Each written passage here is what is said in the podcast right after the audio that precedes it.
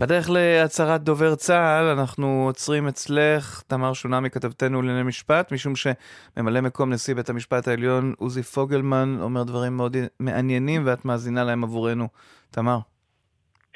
שלום עידן, כן, אז כאן בכנס השנתי של העמותה למשפט ציבורי נושא ממלא מקום נשיא העליון עוזי פוגלמן את הנאום הראשון שלו בתפקיד, בעצם מאז סיימה נשיאת העליון בדימות אה, אסתר חיות, שגם נמצאת פה אה, את אה, תפקידה,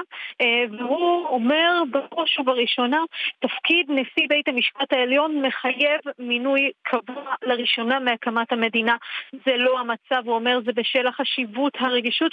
של התפקיד, החשיבות של לאפשר לאפשר למערכת לבנות תוכניות ארוכות אה, טווח, והוא קורא גם כאן אה, מעל אה, לדוכן הנואמים. למנות במהרה נשיא קבוע, מתייחס כמובן גם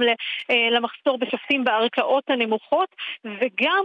בעצם לדיווחים מדיוני הוועדה לבחירת שופטים, לפיהם למשל התנגדות של האגף של הקואליציה בוועדה למינוי של שופטים למשל,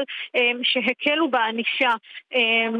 על מתפרעים בשומר חומות, מנעה מנעה קידום אה, של שופטים מסוימים, אה, בין היתר סגנית נשיא בית משפט השלום בחיפה טל תדמור זמיר, הוא אומר יש אה, הדלפות מטעות שנועדו לגרום להטיל דופי במועמדים מסוימים, והוא אומר אני סמוך ובטוח שהדבר הזה לא ירתיע את שופטי ישראל.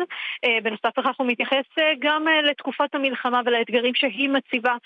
למערכת המשפט, והוא אומר חשיבות הביקורת השיפוטית והעצמאות של מערכת המשפט מתבררת ביתר שאת בתקופה הזו עם הייצוג של המשפטנים הבכירים בהליכים אה, בבית הדין הבינלאומי בהאג, אז לא מדובר בנאום חיות אה, משנה שעברה ממש אה, בכנס הזה, הנאום בו חיות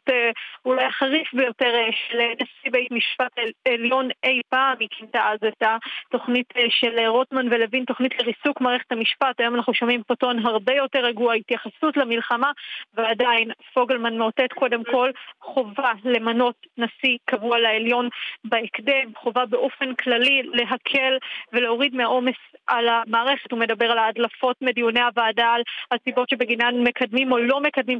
אה, שופטים, והוא אומר שאלו הדלפות אה, מסוכנות, ומדבר על חשיבותה של מערכת משפט עצמאית דווקא במלחמה.